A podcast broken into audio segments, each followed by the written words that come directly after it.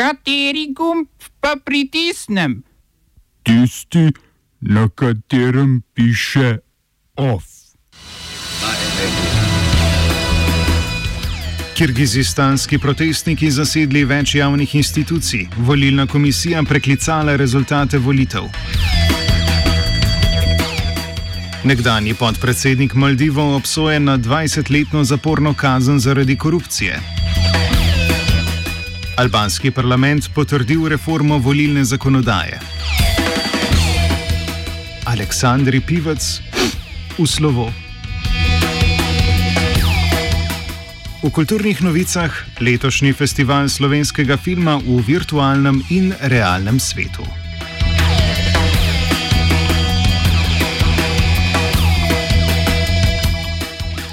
Centralna volilna komisija Kirgizistana, geopolitične šahovnice, na kateri igrajo igro interesi politične Moskve, Washingtona in Pekinga, je ugodila zahtevam protestnikov in preklicala rezultate nedeljskih parlamentarnih volitev.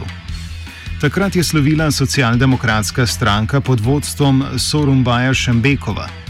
Potem, ko je policija zatrla prvi val demonstracij, je namreč več kot 2000 protestnikov zasedlo tako imenovano Belo hišo, kjer domujeta parlament in vlada, stavbo državne varnosti, mestno hišo prestolnice Biškek in še nekaj javnih stavb. Ob tem so osvobodili nekaj zapornikov, ki so nekdaj zasedali politične položaje, med njimi nekdanjega predsednika države Almazbeka Atambajeva. Trenutni predsednik Sorombaj Šembekov, ki se je izgubil z obličja Kirgizistana, je po posrednikih pozval protestnike naj se vzdržijo nasilja, ti pa so na politične položaje postavili svoje predstavnike, torej opozicijske politike. Za zdaj sicer še ni jasno, kolikšno moč posedujejo v resnici. You,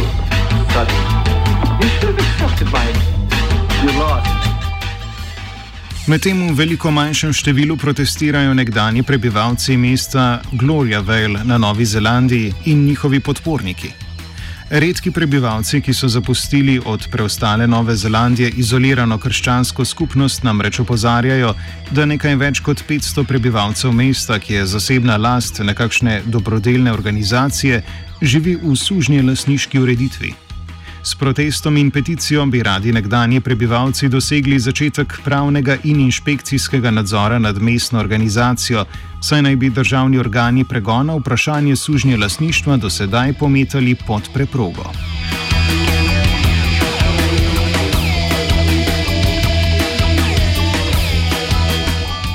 Od protestov k korupciji pa ne na Hrvaško. O aferi na slovenski ulici 9 v Zagrebu boste poslušali v današnjem offsajdu o petih.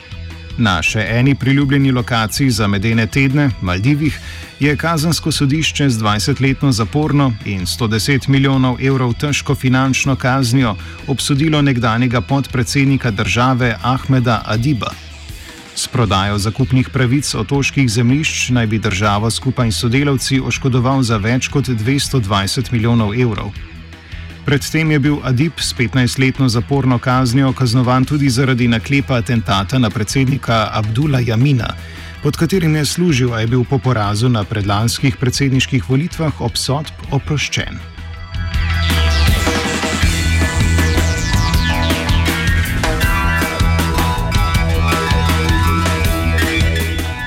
Ostajamo na sodiščih, selimo pa se k mednarodnemu sporu med centralnima bankama Venezuele in Združenega kraljestva. Britansko prizivno sodišče je namreč razveljavilo odločitev Vrhovnega sodišča, da Britanska centralna banka zadrži 850 milijonov evrov vredno venezuelsko zlato, ki ga je južnoameriška država želela dvigniti iz svojih sefov in uporabiti za borbo proti epidemiji. Odločitev britanske centralne banke, ki hrani zlate rezerve številnih držav in vrhovnega sodišča, je bila seveda politično obarvana. V skladu z državno politiko so za legitimnega priznali samo oklicanega predsednika Venezuele Juana Guaidoja in se zbali, da bo zlato prišlo v roke izvoljenemu predsedniku Nikolasu Maduru.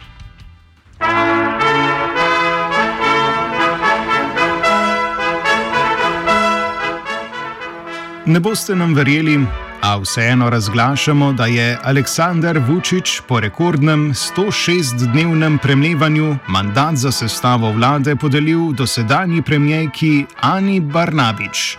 Čestitamo za nepričakovano odločitev.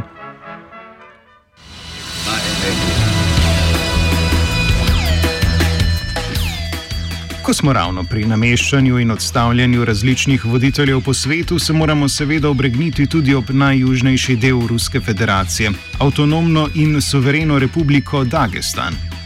Vodja regije Vladimir Vasiljev je zaprosil vsemogočnega predsednika Vladimirja Putina za razrešitev z funkcije, ne da bi pojasnil vzroke za to. Putin je prošnjo sprejel, za nadomestnega voditelja pokrajine pa je že postavil Sergeja Melikova, člana sveta federacije, torej zgornjega doma ruskega parlamenta.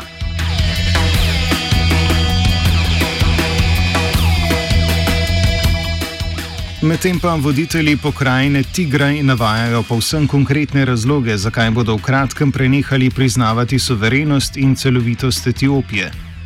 Predsednik etiopske vlade Abi Ahmed naj bi namreč izgubil njihovo zaupanje, ko je avgustovske volitve v Tigraju označil za nelegalne, saj so bile volitve po ostalih pokrajinah predstavljene zaradi epidemioloških razlogov. V Tigraju tako lokalne oblasti vzpostavljajo osnovne poteze začetka osamosvojitve.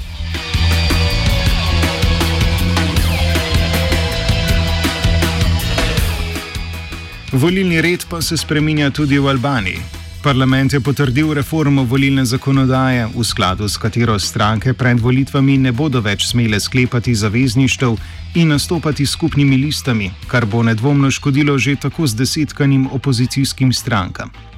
Sprejem reforme je seveda zagotovila številčna premoč poslancev vladne socialistične stranke pod vodstvom Edija Rame, Predstavniki demokratske stranke in socialističnega gibanja za integracije seveda opozarjajo, da je taka poteza v neskladju z načrti Albanije glede euroatlantske integracije. Prve volitve, ki bodo predvidoma potekale po novem redu, so na vrsti že aprila prihodnje leto.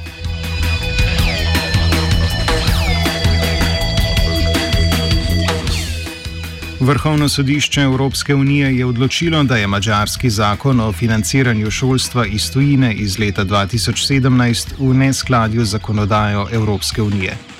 Zakon prepoveduje delovanje izobraževalnih institucij, financiranih iz tujine, če tuji financerji niso že obstoječe izobraževalne institucije. Seveda je šlo v prvi vrsti za poskus napada na Srednje Evropsko univerzo, ki je v treh letih veliko svojih dejavnosti preselila iz Budimpešte na Dunaj, saj jo je financiral zelo glasni sovražnik vsega, kar spada v okvir judovsko-krščanske evropske tradicije, George Soros. Oba, če, bom odgovoril na angliški. Slovenija bo poskušala pomagati. Slovenija bo naredila naš utmost, da bo rekla, da je situacija naš problem, sami. In bomo naredili nadaljnje korake, as soon as the conditions are. Bomo vlado Marjana Cererera Šarca podprli. Very, very serious. News from Slovenia. We know how and we will.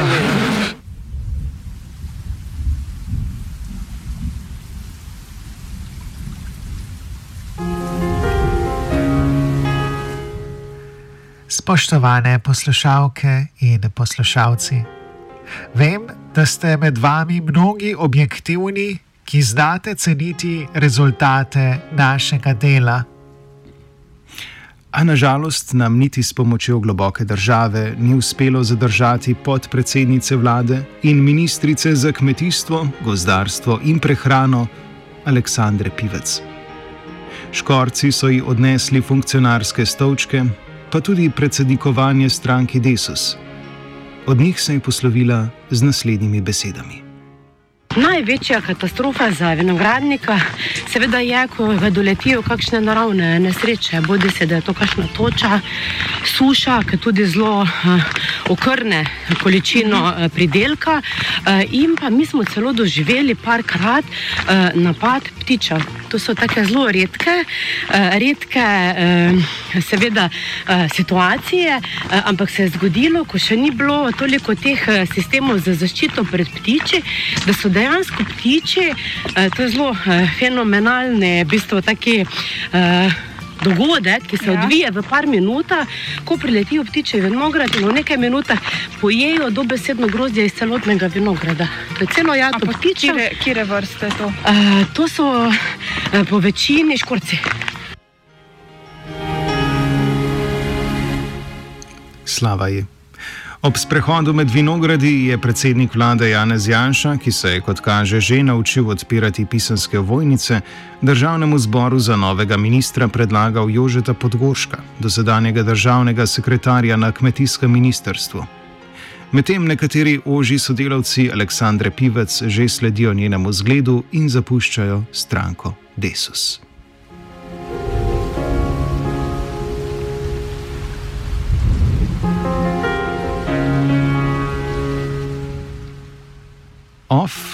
Pivcem v slovo, je ustvaril Virant.